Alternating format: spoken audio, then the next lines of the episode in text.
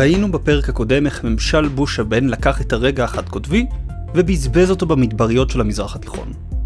בעקבות פיגועי ה-11 בספטמבר ארצות הברית יצאה לגאול את העולם מהטרור, מאפשרת לרוסיה וסין להתחזק בפריפריה של הסדר האמריקני. בפרק היום נכיר את הנשיא שהתחיל את המפנה מהמנטליות של הרגע החד קוטבי ונתן לנו את האי סדר הרב קוטבי של ימינו. נשיא שהיה חכם מספיק להבין מה לא עובד, אך לא היה מסוגל להגדיר מה כן.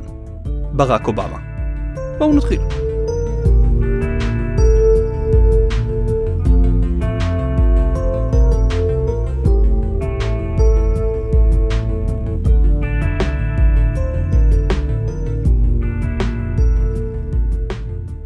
ברק חוסיין אובמה. אני חושב שאובמה הוא הנשיא השנוי במחלוקת הראשון שאנחנו עוסקים בו במסגרת פוסט אימפריום. שנוי במחלוקת לא חלילה מפני שהוא עשה איזה פשע נורא, אלא שנוי במחלוקת מפני שיש הבדלים תהומיים בין איך שהשמאל והימין כאן בארץ תופסים אותו. השמאל בארץ מעריץ את אובמה על הקמפיינים הפוליטיים המעולים שלו, ורואה בו בסך הכל נשיא טוב. הימין לעומתו רואה באובמה משהו בין בשגדה לבין השטן. פוליטיקאי אמריקני תמים שלא הבין את המציאות במזרח התיכון, ובאופן עקבי ניסה לפגוע בישראל בעודו מפייס את אויביה של ארצות הברית.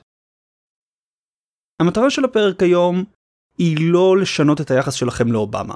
המטרה של הפרק היום היא להסביר לכם, לנו, את החשיבות והמשמעות של אובמה בתוך התהליך הגדול יותר של ארצות הברית בפוסט אימפריום. בפרק היום נראה שאובמה לא היה טיפש כמו שמנסים לצייר אותו, או תמים או לא מודע. הוא היה מודע לחלוטין לאיפה ארצות הברית נמצאת, הוא היה מודע לחלוטין לכישלונות של בוש, והוא היה מודע לחלוטין מה חשוב ומה פחות חשוב לארצות הברית. הבעיה של אובמה לא הייתה אינטליגנציה, או מידע. הבעיה של אובמה שבזמן שהוא ידע מה לא עובד, הוא לא ידע מה כן. הפרק היום הוא סקירה של ממשל אובמה שניסה לנהל מדיניות חוץ ריאליסטית בעודו מאמין ברעיונות ליברליים. אך בסופו של יום בעיקר נתן לנו דוגמה ראשונה של בדלנות אמריקנית במאה ה-21. אובמה הוא נקודת המפנה שלנו. מההזיה של הרגע החד קוטבי לארצות הברית בעולם הרב קוטבי החדש. ואנחנו מתחילים מיד אחרי ההודעה הבאה.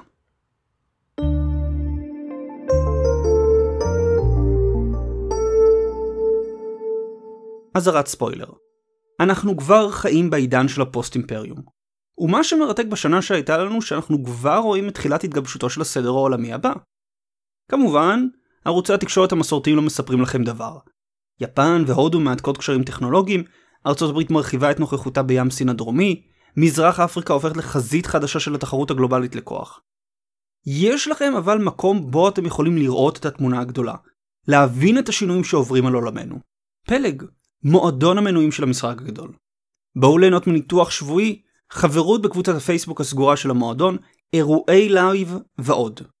בואו למקום היחיד שלא רק מדווח לכם על העולם, ועושה עבודה הרבה יותר טובה מרוב אתרי החדשות, אלא גם מסביר לכם מה קורה בעולם ומה המגמות ארוכות הטווח. כי בעידן הכאוטי שלנו, ידע הוא כוח. ידע הוא הזדמנות. אז בואו והצטרפו. קישור לעשיית מנוי בהערות הפרק.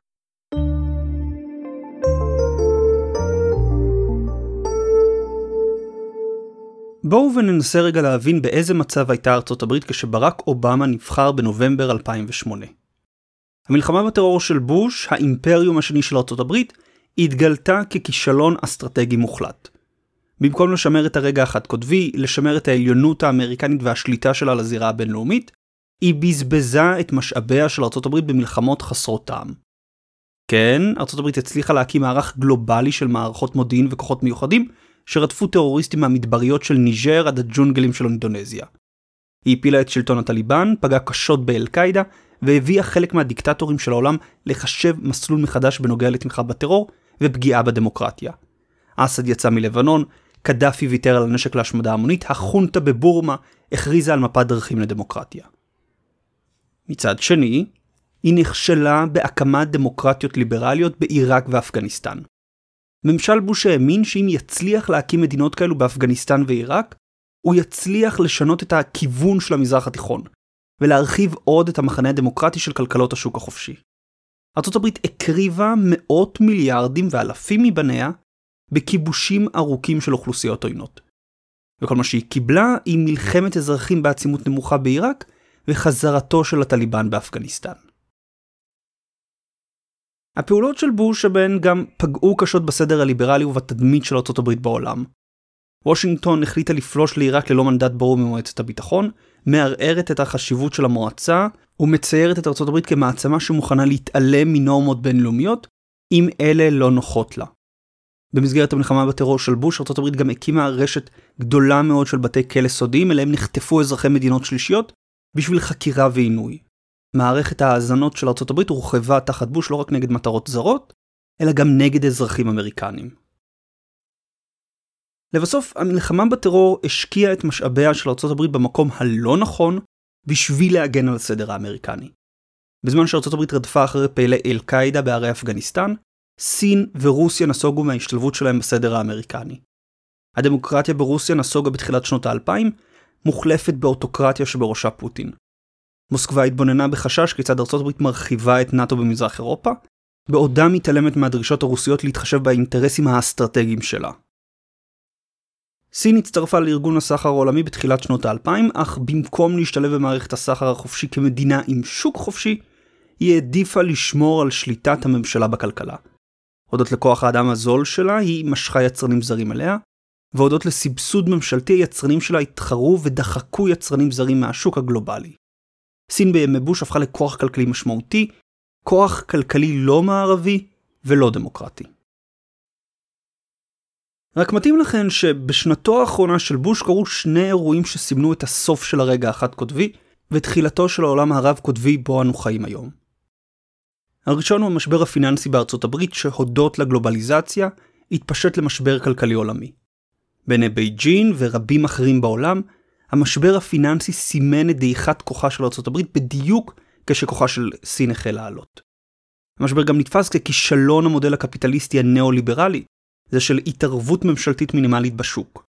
ובעוד ארצות הברית והעולם חוו את כישלון הקפיטליזם, בייג'ין עם המודל הכלכלי שלה נהנתה מצמיחה של כמעט 10% בשנים 2008-2009. האירוע השני הוא מלחמת גיאורגיה-רוסיה בקיץ 2008. משום שהמלחמה התרחשה במהלך המשבר הפיננסי והבחירות בארצות הברית, היא כמעט ולא זכתה להתייחסות משמעותית בוושינגטון. אולם גם אם לא זכתה להתייחסות, מלחמת גיאורגיה-רוסיה היא רבת חשיבות. לראשונה מהסוף המלחמה הקרה, רוסיה פעלה בפריפריה ההיסטורית שלה. היא הכתה את השלטון הפרו-מערבי בטיביליסי, וחסמה את האפשרות שגיאורגיה תצטרף לנאט"ו על ידי הקפאת הסכסוך הטריטוריאלית בין גיאורגיה לאבחזיה ודרום אוסטיה. סוף כהונת בוש הייתה הסוף של הרגע החד קוטבי. בייג'ין בעלייה כלכלית מתחילה לראות בעצמה כוח עולה.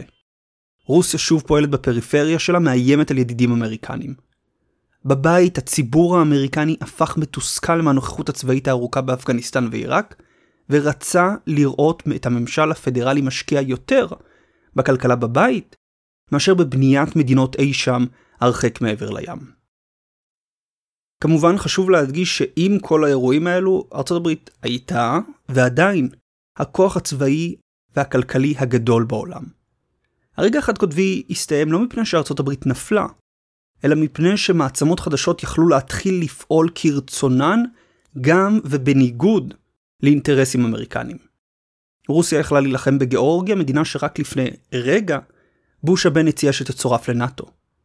סין המשיכה לדור קדימה כלכלית בעוד המערב נכנס למיתון. ניצנים של מתח גיאופוליטי התחילו להופיע במזרח אירופה, במזרח אסיה, וארצות הברית לא הייתה ערוכה להתמודד איתם. וכאן, בנקודה הזאת, אנחנו פוגשים את אובמה. אובמה לא היה בעל ניסיון פוליטי רב או בעל רקורד מרשים בשירות המדינה. הוא לא היה עם הניסיון של בוש האב, או החזיק במשרת מושל כמו בוש הבן וביל קלינטון. אולם אובמה הבין מה העם האמריקני רוצה.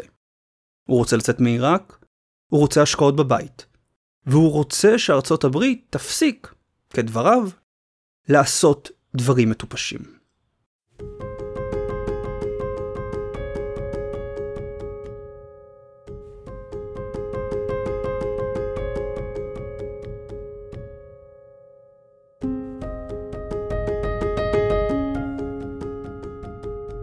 ב-2016, מעט לפני שאובמה עמד לעזוב את הבית הלבן, מגזין האטלנטיק פרסם ראיון ארוך ומקיף עם אובמה על מדיניות החוץ שלו, תחת הכותרת דוקטרינת אובמה. לאורך שנות נשיאותו, אובמה היה מעין אניגמה בתחום יחסי החוץ. מצד אחד נשיא שהבטיח שינוי. הבטיח לשנות את המדיניות של בוש בנוגע לעולם הערבי, לצאת מאפגניסטן, לצאת מעיראק. מצד שני, נשיא שהביא הרבה מאותו דבר. אובמה הרחיב את תוכנית ההאזנות של ממשל בוש ושכלל אותה. מרחיב את היכולות של ה-NSA לתעד כל טלפון, מייל וחיפוש באינטרנט במדינת מטרה. אובמה יצא מעיראק כפי שהבטיח ב-2009, ואז חזר אליה ב-2014 בשביל להילחם בדאעש. הוא רצה לצאת מהבוץ במזרח התיכון, אך שלח מטוסים אמריקנים להפציץ את קדאפי בלוב ב-2011. ושלח חיילים אמריקנים לסוריה, שם גם מימן מורדים נגד אסד. אובמה הרחיב והגביר את תקיפות המל"טים של הברית בתימן, סומליה ופקיסטן. מצד שני, אובמה סירב לתקוף את אסד כשזה השתמש בנשק כימי בסוריה ב-2013, למרות שהוא חצה קו אדום ברור של הנשיא. אובמה נמנע מתגובה צבאית נחרצת נגד הסיפוח הרוסי של חצי האי קרים. כאן במזרח התיכון אובמה חיפש כיצד לחמם את היחסים בין איראן וארצות הברית, בעודו מתרחק מנסיכויות המפרץ. הוא גם לחץ על מובארק להתפטר עקב ההפגנות נגדו ב-2011, מביא בעקיפין לעלייתם של האחים המוסלמים בבחירות ב-2012. מה ההיגיון מאחורי כל הפעולות הללו? ברור שאובמה לא היה יונה או נשיא פייסן. הוא השתמש בכוח צבאי והיה מוכן לשלוח כוחות אמריקנים לחזיתות חדשות אם זה נדרש. בעיראק, בסוריה, באפגניסטן ובלוב. קשה להצביע על כיבוש חצי האי קרים כהוכחה לפייסנות שלו, משום שבזמן בוש הבן, הנשיא שפלש לשתי מדינות, רוסיה נלחמה בגיאורגיה. הוא כן אבל נראה כנשיא לא החלטי. הוא התלבט שבועות סביב שאלת לוב, הוא סירב לתקוף את אסד בגלל נשק כימי, אך מיהר להיפטר ממובארק על רקע הפגנות האביב הערבי. אובמה, כפי שהוא מעיד על עצמו בריאיון באטלנטיק, הוא ריאליסט. הוא, לדעתו, ריאליסט משום שהוא מבין שיש גבול לכוח האמריקני, ושארצות הברית לא צריכה להתערב צבאית בכל מקום בעולם. הוא ריאליסט לדעתו משום שהוא מאמין שארצות הברית צריכה לשרת את האינטרס הלאומי שלה, ולהיות מוכנה לחלוק את הבמה עם בעלות ברית במקומות בהם אין צורך בפעולה אמריקנית חד צדדית. בו בזמן שהוא מגדיר את עצמו כריאליסט, הוא מדגיש שהוא לא מזניח את הרעיונות הליברליים של סדר עולמי מבוסס חוק וזכויות אדם. אובמה רואה את עצמו מין שילוב של ריאליסט וליברל. ליברל באמונות שלו, ריאליסט בביצוע שלו. הבעיה שאם מתבוננים במדיניות החוץ שלו בפועל, רואים בעיקר את מה שנראה כמו בדלנות אמריקנית. עכשיו, אני יודע מה אתם חושבים. ניצן, הוא עשה הסכם עם איראן, הוא נרמל יחסים עם קובה, הוא הקים קואליציה נגד המדינה האסלאמית. איך אפשר לקרוא לו בדלן? טוב, בואו נסתכל על הריאליזם של אובמה. אובמה העריך בצורה מאוד נכונה מה בדיוק לא עבד במדיניות החוץ והאסטרטגיה הלאומית של בוש, שהיו, אם נרצה ואם לא, שתיהן ליברליות במטרות שלהן ובהיגיון האסטרטגי שלהן. בוש הבן יצא למלחמה בעיראק ואפגניסטן לא בשביל הנפט או בשביל מיקום אסטרטגי, אלא בשביל להפיץ דמוקרטיה. הוא האמין שהפצת דמוקרטיה משרתת את האינטרס הלאומי של ארצות הברית. הוא האמין שאם אין חופש בבגדד, החופש בניו יורק או סן פרנסיסקו גם הם בסכנה. אפשר להתווכח על ההיגיון באמונות האלו, אך אי אפשר להכחיש שהן ליברליות לחלוטין. אין שום ריאליזם באמונות האלו. אובמה זיהה ארבע בעיות מרכזיות אצל בוש. בעיה ראשונה, נטייה קודם כל לפעול צבאית לפני שנבחנות אפשרויות אחרות. כפי שראינו בפרק הקודם, ממשל בוש סימן לעצמו את הפלת סדאם הרבה לפני שהיה לו תירוץ ברור לעשות זאת. ההחלטה לקפוץ ישירות למלחמה נגד עיראק עברה את הממשל מהאפשרות לבחון שימוש בסנקציות או תקיפות מוגבלות. לא הכל חייבים לפתור בפצצות. את הביקורת הזו אובמה גם הפנה לממסד הביטחוני-מדיני בארצות הברית, שנראה בעיני אובמה לא רק מקובע אלא גם מנותק מהמציאות. בעיני אובמה, כפי שניתן ללמוד גם מהראיון באטלנטיק וגם מראיון של אחד מיועציו הקרובים בן רודס, הממסד המדיני-ביטחוני של וושינגטון היה תקוע עדיין ברגע החד קוטבי. הוא עדיין האמין שארצות הברית יכולה פשוט להיכנס לאיפה שהיא רוצה, לראות ולתקן את המצב. בעיני אובמה לא רק שהרגע החד קוטבי הסתיים, ההתמקדות בפתרונות צבאיים רק שוחקת עוד יותר את כוחה של ארצות הברית. ולכן התנגד קודם לראות ואז לשאול שאלות. מאמין שלעידן חדש צריך אסטרטגיה אחרת. בעיה שנייה, פעולות צבאיות רחבות מדי שלא משרתות את האינטרס הלאומי הישיר של ארצות הברית. אחרי שכבש את עיראק, בוש הבן ניסה לבנות אותה מחדש. הוא נתן לצבא לבצע משימה שהוא לא היה מותאם לה מלכתחילה, והיא הייתה רחבה מדי בשביל לדעת מתי היא תסתיים. איך מודדים מתי מדינה נבנתה מחדש? כשהיא מנהלת בחירות דמוקרטיות תקינות בפעם הראשונה? השנייה? כשיש מים זורמים בכל הבתים? כשהיא זוכה בנובל לספרות? והפעולות הרחבות באפגניסטן ועיראק לא שירתו שום אינטרס אמריקני ישיר. כן, קידום דמוקרטיה הוא נושא חשוב משום האמונה האמריקנית שדמוקרטיה היא השיטה האידיאלית לניהול מדינה. אך כוחה ושגשוגה של ארה"ב מושפע מעט מאוד אם אנשים במדינות עולם שלישי יכולים או לא יכולים להצביע. בעיה שלישית ממשל בוש פעל באופן חד צדדי, תוך התעלמות מהמוסדות הבינלאומיים ומבעלי הברית של וושינגטון. הפעולה החד צדדית פגעה בסדר הליברלי, פגעה בתדמית של ארצות הברית ותקעה אותה לבד עם האחריות והתוצאות. אחרי שפלשה לעיראק ללא מנדט בינלאומי, ארצות הברית הייתה מוגבלת ביכולת שלה לגייס תמיכה בינלאומית למאמצי הבנייה, או להעביר את המנדט לניהול המדינה לגוף בינלאומי כמו האו"ם. ארצות הברית יצאה לבד למלחמה הזאתי, והיא נתקעה לבד עם תוצאות המלחמה. חלקית אבל הבעיה נבעה לא רק מהנטייה של בוש לפעולה חד צדדית, אלא גם מהיעדר מישהו לפעול עמו. אובמה ראה ברבים מבעלי הברית האמריקנים אוכלי חינם, שאינם מסוגלים או אינם מוכנים להגן על עצמם. מדינות כמו ערב הסעודית או בריטניה הסתמכו על וושינגטון להגנתן, בעודן מקצצות בתקציבי הביטחון שלהן. איך וושינגטון אמורה לפעול ביחד עם מדינות נוספות, אם אין מדינות נוספות שאיתן אפשר לפעול? לבסוף, הבעיה הרביעית.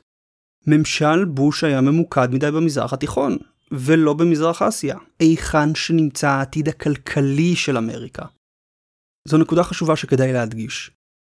הברית נמצאת במזרח התיכון בעיקר כדי להגן על השיט בין מזרח אסיה ואירופה, דרך תעלת סואץ, ועל הזרימה היציבה של נפט וגז מהמפרץ הפרסי. הצרכנים של שני הדברים האלו, נפט מהמפרץ וסחר דרך התעלה, הם בעיקר האירופים ומדינות מזרח אסיה. מאז שהבריטים נסוגו מהאזור, האמריקנים הבטיחו את יציבותו כדי לשמור על השפעה במזרח אסיה ואירופה. פחות בשביל האינטרסים הכלכליים שלהם. העתיד של ארצות הברית, כלכלית ואסטרטגית, נמצא אבל בכלל במקום אחר, במזרח אסיה, עם הכלכלות העולות של הודו, סין ודרום מזרח אסיה. בעוד המזרח התיכון מתאפיין באלימות דתית, עוני ורעב, מזרח אסיה הפכה עצמה למוקד הכלכלי החדש של העולם. מציעה ליצרנים אמריקנים הזדמנויות חדשות. מזרח אסיה גם קשורה ישירות לביטחון המולדת האמריקנית. ארצות הברית היא מדינה פסיפית, וככזו מה שקורה במזרח אסיה עלול להגיע גם אליה. אובמה עצמו מעיד בריאיון שלו באטלנטיק שהוא חיפש כיצד להוציא את וושינגטון מהמזרח התיכון, ולהתמקד במזרח אסיה. אפשר להתווכח על הפרטים, אבל הניתוח של אובמה בגדול את הבעיות של בוש הוא מעולה. הייתה לו בעיה בשימוש יותר מדי בכוח צבאי, צורה חד צדדית, התמקדות גדולה מדי במזרח התיכון ומטרות שלא באמת שירתו את האינטרס האמריקני. כן, ראינו בפרק הקודם, דיברו על להרחיב את הגלובליזציה, לסגור את הפער. זה לא באמת שירת את ארצות הברית. אובמה באמת הבין מה לא עבד אצל קודמו בתפקיד. הבעיה של אובמה היא שהעובדה שאתה מבין מה לא עובד, לא אומרת שאתה מבין מה כן עובד. וכשאין לך רעיון חיובי לאיך לסדר את מדיניות החוץ שלך, התוצאה היא הססנות, התקפלות ובדלנות.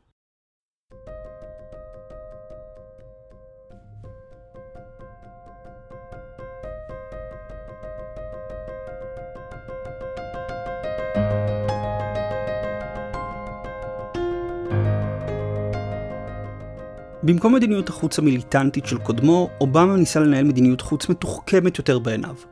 כזו שמסתכלת על העולם כפי שהוא, מחפשת לעשות שימוש חכם בכוחה של ארצות הברית. בפועל אבל מה שהתקבל למדיניות חוץ לא עקבית, שהפכה את ארה"ב כמעט בן לילה ממדינה שמעורבת יותר מדי בעולם, לכזו שנסוגה ממנו. לאובמה לא היה היגיון מסדר מה כן לעשות, רק הבנה מה לא לעשות. מול הזרם הבלתי פוסק של האירועים בזירה הבינלאומית, היעדר היגיון חיובי משמעותו היעדר מדיניות חוץ עקבית ויוזמת. קל לראות זאת אם בוחנים את הנקודות המרכזיות של שנות כהונתו של אובמה. בואו ניקח לדוגמה את התגובה של הממשל לאירועי האביב הערבי במצרים, לוב וסוריה. במצרים ממשל אובמה העריך מוקדם שמובארק לא יצליח לעמוד מול ההפגנות, והחליט להסיר את תמיכתו במובארק, בעל ברית ותיק של ארצות הברית. לכאורה, צעד ליברלי מובהק.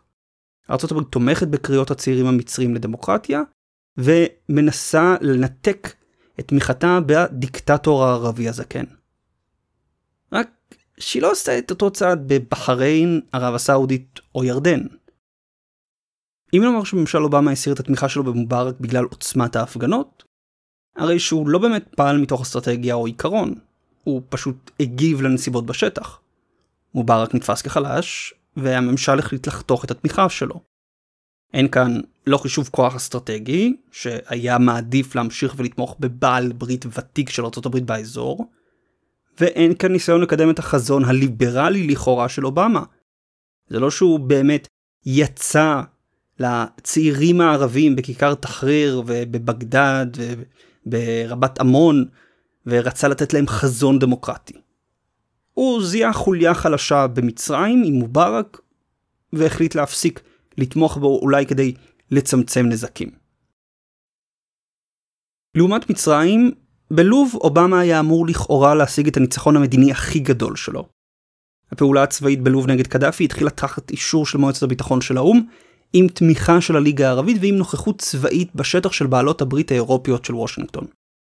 הפעולה בלוב ענתה על שתיים מהבעיות שאובמה אבחן אצל בוש. היא לא הייתה פעולה חד צדדית, אלא נעשתה עם הפרטנרים האירופים של וושינגטון ובהסכמת האו"ם. והיא לא הייתה פעולה צבאית רחבה, אלא ממוקדת, בהתחלה, בהגנה על אזרחים בלוב. אולם גם הפעולה הזו נכשלה לחלוטין. מה שהתחיל כפעולה הומניטרית להגנה על אזרחים חפים מפשע הפכה במהירות למבצע להפלת קדאפי. ארצות הברית ובעלות בריתה האירופיות תקפו את כוחות קדאפי בתיאום הדוק עם המורדים, מחסלות מתקני מודיעין ושיירות שריון. מצרים וקטאר הבריחו נשק ושכירי חרב לתוך לוב, תוך העלמת עין מצד הממשל אובמה ובתמיכתן של צרפת ובריטניה. מלחמת האזרחים בלוב הפכה לאירוע בינלאומי ולאחר שקדאפי חוסל, המלחמה מוטטה את המדינה. מה ארצות הברית השיגה אסטרטגית בהפלת קדאפי? בעיקר נזק. התמוטטות לוב הגבירה את זרם המהגרים לאירופה דרך הים, עם עשרות אלפים עושים את דרכם מטריפולי לאיטליה.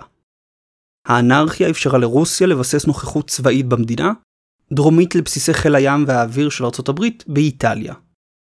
לוב הפכה לבסיס חשוב לטרוריסטים במערב אפריקה שמשתמשים בה כעומק אסטרטגי מול מבצעים אמריקנים וצרפתים נגדם במערב היבשת.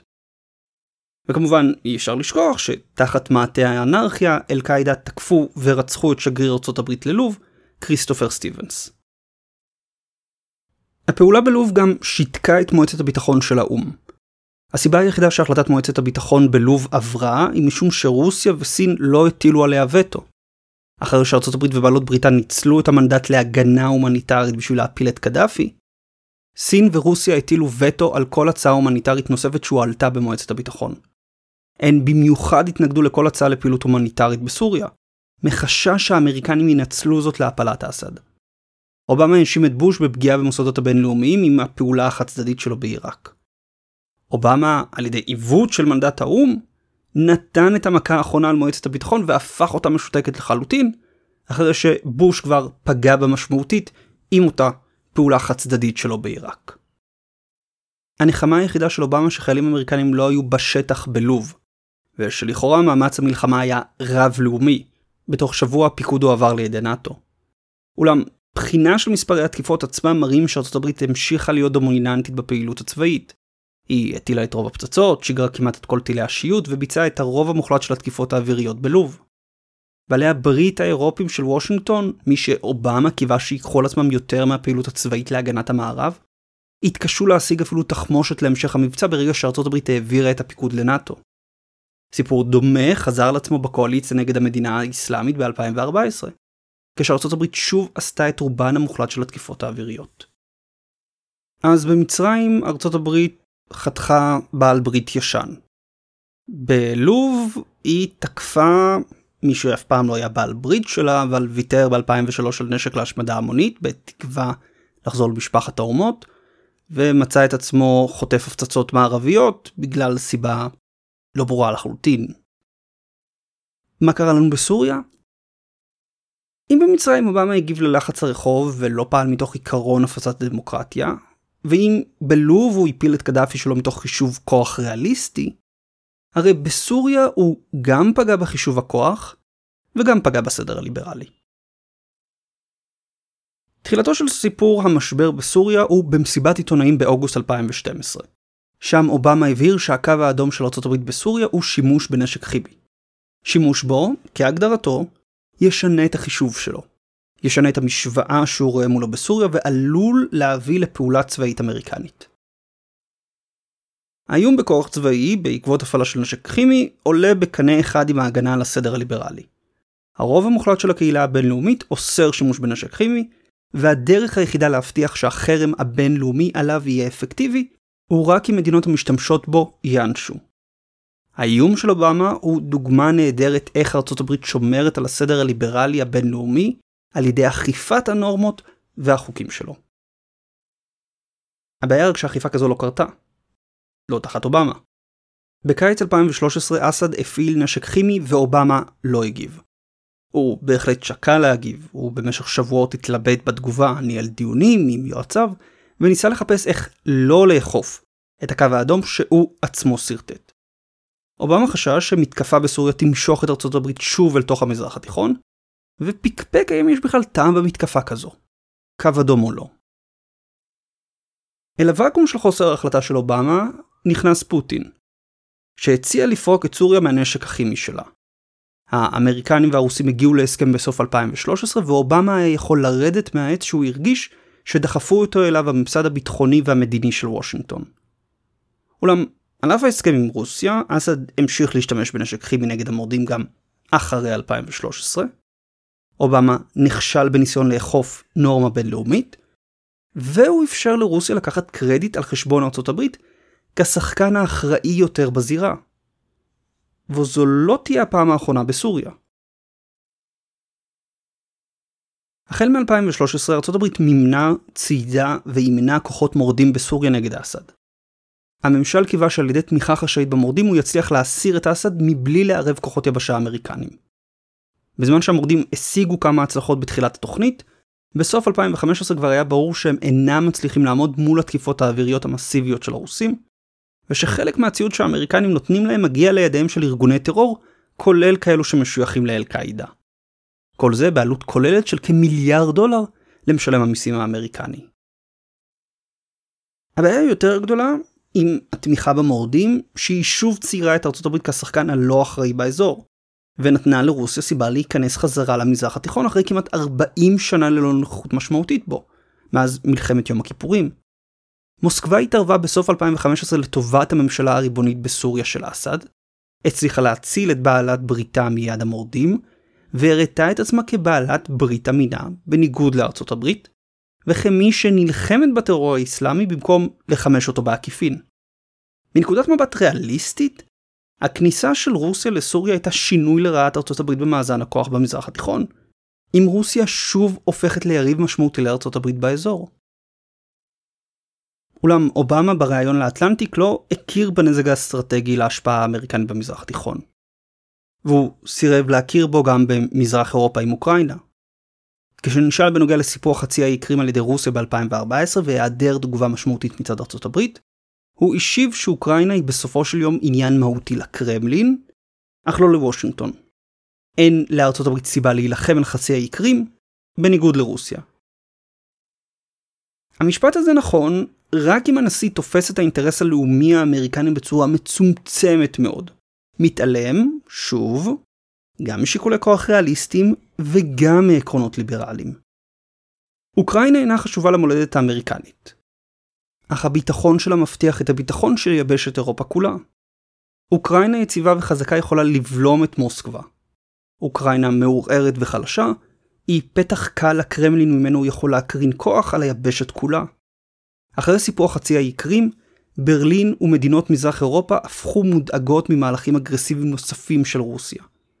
הסיפוח העניק לרוסיה עמדה אסטרטגית עדיפה על נאט"ו בים השחור, והצליח לעצור את ההצטרפות של אוקראינה לברית האטלנטית.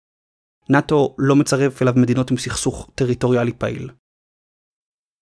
האמירה שאוקראינה חשובה יותר לרוסיה מאשר הברית, משמעותה בעקיפין שביטחון אירופה אינו נמצא בראש מעייניה של הברית, לפחות לא בראיית אובמה. בכך הוא יוצא נגד עמדה אסטרטגית של וושינגטון מאז סוף מלחמת העולם השנייה, שביטחון ושגשוג הרפובליקה תלוי בהבטחת אירופה מפני איומים מחוץ או מתוך היבשת. האמירה גם שוב פוגעת בסדר הליברלי.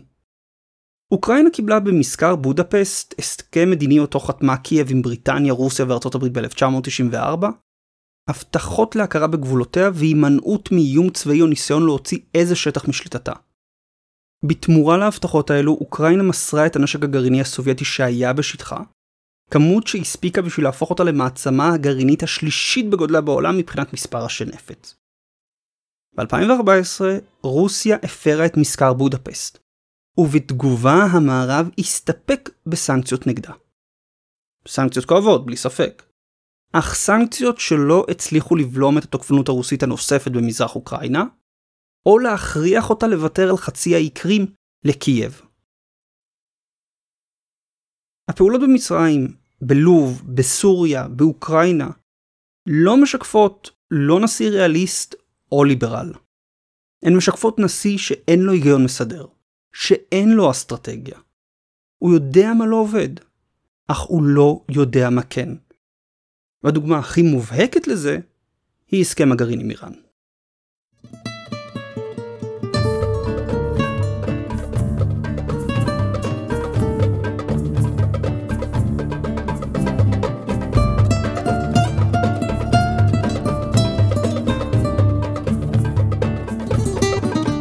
כנראה שאין פעולה שעזרה יותר לצבוע את אובמה כדמות שלילית בעיני רבים בישראל מאשר הסכם הגרעין עם איראן.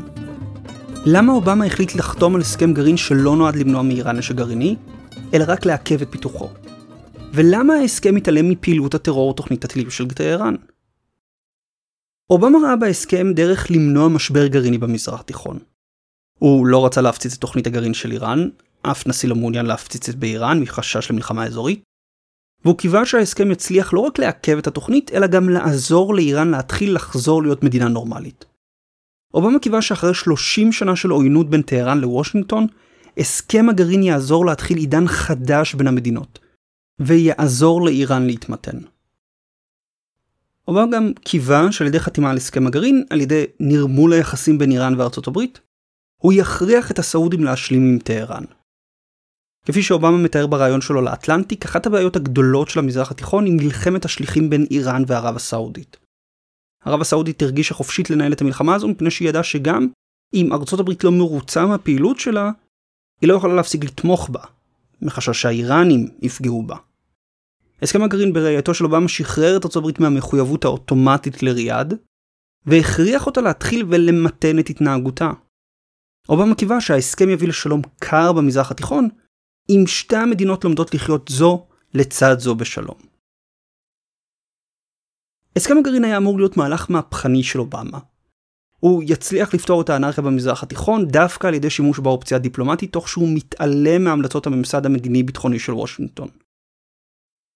לצערו, התוצאה הייתה הפוכה. ערב הסעודית, חוששת מאיבוד הגב הצבאי של וושינגטון, הפכה עוד יותר אגרסיבית. היא פלשה ב-2015 במסגרת קואליציה ערבית לתימן, יוצרת את מה שהאו"ם כינה המשבר ההומניטרי החמור ביותר בעולם בשנת 2018. איראן עצמה לא התמתנה או הפכה נורמלית, אלא השתמשה בכספים החדשים שניתנו לה לחזק את שליחיה בעיראק, סוריה, לבנון ותימן. וושינגטון גם הצליחה לפגוע עוד באמון של בעלות הברית שלה באזור, שגם ככה היה מעורער אחרי הנטישה של מובארק, האנרכיה בלוב, וההתקפלות בנושא הנשק הכימי של אסד. אובמה צדק שהעתיד של ארה"ב נמצא במזרח אסיה, ושארצות הברית צריכה לנסות ולצמצם את נוכחותה במזרח התיכון. אולם בפעולות שלו הוא הצליח לערער את האזור, ולפגוע באמון של בעלות הברית המסורתיות של וושינגטון. אובמה סיים את הנשיאות שלו עם רוסיה אגרסיבית יותר בעולם, עם איראן חזקה יותר ועם משברים הומניטריים בלוב ובתימן.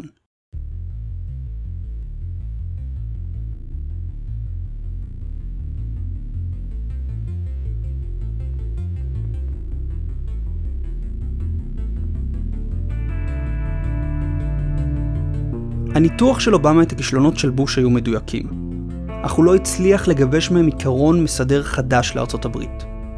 הוא לא הצליח משום שבו בזמן שאובמה הבין שהעולם משתנה, הוא לא הבין עד הסוף את השינוי. הוא הבין שהרגע החד קוטבי הסתיים, שארצות הברית אינה יכולה עוד להתערב צבאית בכל זירה ולהיאבק עבור כל מטרה. הוא הבין שבעלות הברית של וושינגטון מסתמכות עליה יותר מדי לביטחונן שלהן. הוא הבין שארצות הברית צריכה סדר עדיפויות אסטרטגי חדש. אבל הוא לא ידע מהו. היה צריך נשיא אחר בשביל לבטא את השינוי העמוק, שקרה עם סוף הרגע החד קוטבי ותחילתו של האי סדר הרב קוטבי בו אנו חיים היום. בפרק הבא נדבר על דונלד טראמפ ומה שהממשל שלו הביא לחשיבה האסטרטגית של ארה"ב. תודה לכם על ההקשבה.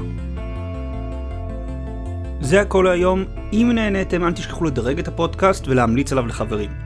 חלק מהמוזיקה ששמעתי מולחנה על ידי גיא שילה, וחלק אחר מגיע מסטורי בלוקס. כאן ניצן דוד פוקס, המפיק של המשחק הגדול, מודה לכם מאוד על ההאזנה, ומקווה לראות אתכם גם בפרק הבא.